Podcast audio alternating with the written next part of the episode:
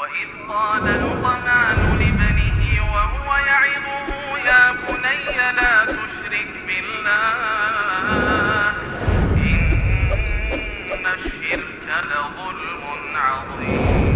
وإذ قال لقمان لابنه وهو يعظه يا بني لا تشرك بالله إن الشرك لظلم عظيم.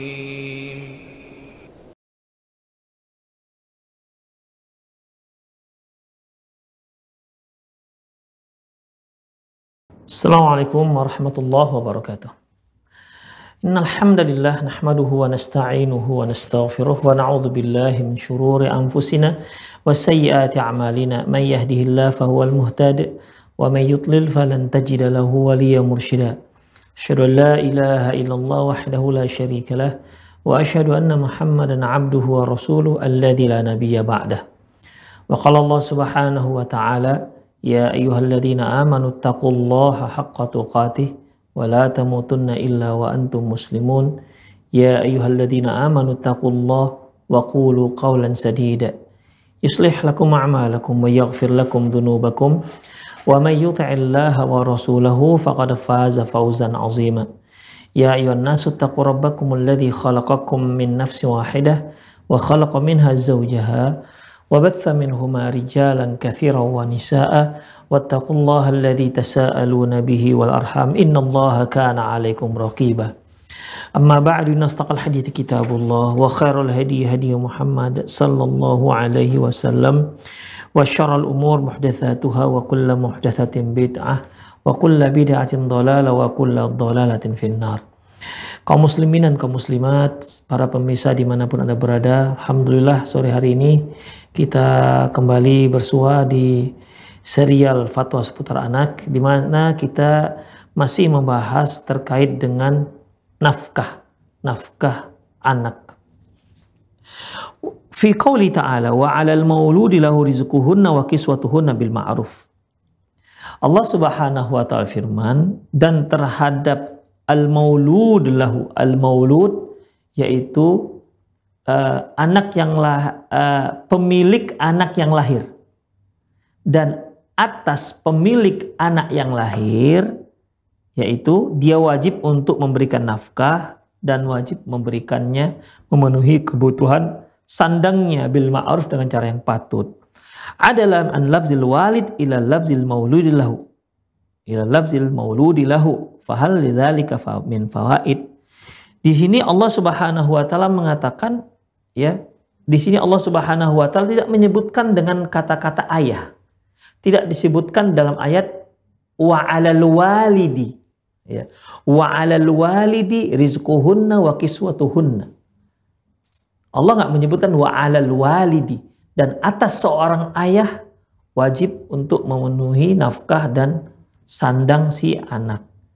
Tapi Allah menyebutkan bukan wa 'alal walid tapi wa 'alal mauludilahu. Saya ulangi, ini uh, yang yang yang dibahas adalah Allah Subhanahu wa taala menyatakan dalam Al-Qur'an wa 'alal mauludilahu rizquhunna wa kiswatuhunna bil ma'ruf.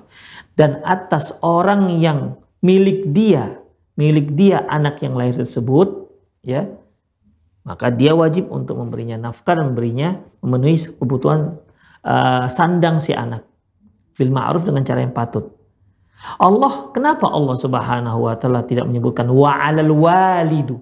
Wa 'alal walidi. Kenapa harus wa 'alal mauludi lahu? Maksudnya sama-sama ayah tapi berbeda lafaz. Apakah Allah Subhanahu wa taala punya maksud tersendiri? Ataukah punya makna khusus? Ya sehingga Allah tidak menyebutkan wa 'alal walid tapi wa 'alal mauludi lahu. Yang artinya sama-sama ayah ya yang artinya sama-sama ayah jawabnya la syakka anna lafzal qur'ani ajwad wa ablagh min wujuhin tidak diragukan lagi bahwasanya lafaz yang digunakan Al-Quran itu jauh lebih baik dan lebih mengena atau lebih dalam maknanya dari berbagai macam sudut pandang. Dzakarha Syekhul Islam Ibnu Taimiyah rahimahullah. Uh, hal ini disebutkan oleh Syekhul Islam Ibnu Taimiyah rahimahullah Faqala dia katakan lafzul maulud lahu ajwadu min lafzil walid liwujuhim.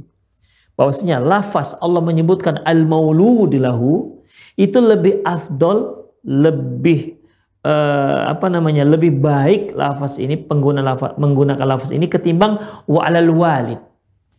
Ingat wa alal maulud lahu ya, wa al maulud lahu yaitu si pemilik anak yang lahir Ya, maksudnya ayah.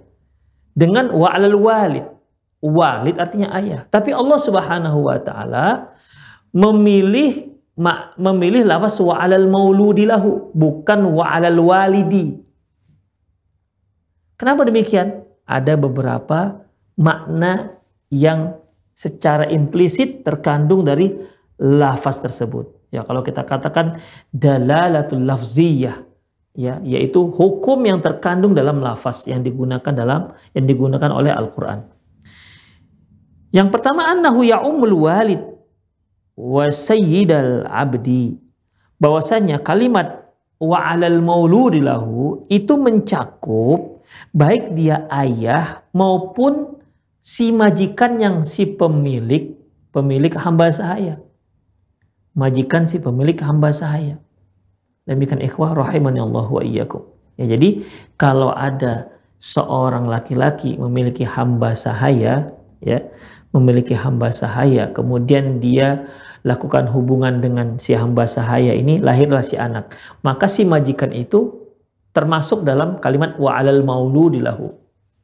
Ya, termasuk al mauludilahu. Jadi dengan kalimat al mauludilahu maka semua secara umum ya tercangkup dalam dalam ayat ini. Baik dia ayah kandung ya maupun dia apa namanya maupun uh, tuan daripada si pemilik hamba tersebut. Wa annahu yubayyinu anna walada li abih la li ummih yang kedua ya bahwasanya ayat ini juga menjelaskan bahwasanya ayah itu pemilik si anak bukan si ibu Coba perhatikan, Allah kan menyebutkan wa alal maulud al maulud lahu. Maulud itu si anak yang dilahirkan, lahu pemilik. Jadi pemilik si anak. Yang dimaksudkan pemilik si anak itulah seorang ayah. Kalau disebutkan dalam ayat wa alal walid dan atas seorang ayah maka dia berkewajiban untuk memenuhi kebutuhan sandang dan pangannya, sandang dan uh, kebutuhan pangan dan sandangnya dengan cara yang patut. Tapi ini kan hanya menunjukkan ayah, kewajiban ayah. Hanya menunjukkan siapa yang berkewajiban untuk menafkahi si bayi. Kan itu dia. Ya. Tapi tidak menunjukkan ini anak punya siapa. Tapi kalau kalimat wa 'alal mauludi rizquhunna wa kiswatuhunna bil ma'ruf dan bagi si pemilik anak yang dilahirkan itu dia wajib untuk memberikan nafkahnya dan sandangnya dengan cara yang ma'ruf. Jadi di situ bukan hanya menunjukkan hukum kewajiban seorang ayah untuk memenuhi kebutuhan uh, nafkahnya nafkah si anak ya. Tapi juga ayat itu menunjukkan sekaligus menunjukkan bahwasanya pemilik si anak adalah ayah bukan ibu. Demikian. Itulah makna yang terkandung dalam wa alal mauludilahu demikian ikhwah rahimunallahu iyyakum. Ya ini juga sama seperti ketika ada seorang Sahabat datang kepada Rasulullah SAW. Dia mengadu kepada beliau karena ayahnya selalu datang dan mengambil hartanya. Datang mengambil hartanya. Lantas Rasulullah SAW mengatakan, Anta wa malu kali abika. Kamu dan hartamu itu punya ayahmu. Jadi anak itu ikhwah hukum asalnya adalah pemiliknya adalah ayah bukan ibu. Makanya ikhwah rahimanallahu wa iyyakum kalau ibu punya marga, ayah punya marga, maka yang diambil adalah marga ayah, bukan marga ibu. Demikian. Misalnya nih ibunya Nasution, ayahnya Siagian, anak, lahirlah anak, baik laki-laki maupun perempuan. Maka karena anak ini milik ayah, marga diambil dari ayah, bukan dari ibu. Demikian. Jadi ikhwah kalau seandainya seorang laki-laki itu turunan Arab misalnya atau dia orang Arab. Punya istri misalnya orang Jawa, suku Jawa, maka anaknya bukan Jawa, anaknya Arab. Ya. Jadi dia mengikuti ayahnya, bukan mengikuti ibunya. Demikian juga ikhwafidin apabila ada seorang majikan memiliki hamba sahaya perempuan. Dia gaulilah hamba sahaya perempuannya ini. Sehingga hamil dan melahirkan. Anaknya ini bukan anak si hamba sahaya, tapi anak si majikan. Makanya status anak itu menjadi merdeka, bukan seperti ibunya yang masih statusnya sebagai hamba saya. Demikian. Jadi ayahlah pemilik si anak, bukan si ibu. Kemudian wa annahu yubayyinu jihatal wujub alaihi bahwa qaulul walad lahu lali ummi. Ya. Dan ini juga menjelaskan bahwasanya kewajiban nafkah itu, ya kewajiban nafkah itu terhadap siapa? Terhadap si ayah. Kenapa? Karena si anak milik dia, bukan milik si ibu. Demikian, ya. Atau bahasa mudahnya, karena anak itu milik ayah, maka yang wajib menafkahi si anak ya ayah, bukan si ibu. Ya walaupun dia sudah pisah dengan istrinya, sudah cerai dia dengan istrinya, dan si anak sementara dibawa oleh ibunya. Walaupun mereka berbeda tempat, berbeda berbeda tempat dalam menjalani kehidupan, namun si ayah tetap pemilik si anak. Otomatis si ayah tetap wajib memberikan nafkah kepada si anak walaupun si anak ini dibawa oleh ibunya. Demikian. Wa annal um hiyallati waladathu haqiqatan dunal ab. Fahadi arba'atul wujuh. Dan yang keempat yaitu ibulah yang pada hakikatnya ibu yang melahirkan, bukan si si ayah. Jadi ibu yang melahirkan, ibu yang hamil, mengandung, ibu yang melahirkan, ibu yang menyusui, tapi pemiliknya adalah ayah. Demikian ikhwah Allah wa iyyakum. Jadi ibu itu adalah yang melahirkan, ya, yang melahirkan. Itulah empat empat sisi yang disebutkan oleh Syekhul Islam Ibnu Taimiyah di mana empat hal ini terkandung dalam lafaz wa 'alal mauludi lahu. Baik. Walihada yuqal oleh karena itu dikatakan waladun bu waladul wulidal fulan maulud wulidali fulanin mauludun bahwasanya anak si fulan sudah lahir anak si fulan sudah lahir fulan ini maksudnya ya bapaknya atau perkataan wulidali waladun telah lahir anakku. Telah lahir anakku. Qala wa hadhil ayat tujibu rizqal murtadi' ala abihi. Bahwasanya ayat ini juga menyebutkan wajibnya bagi ayah untuk memberikan nafkah kepada bayinya.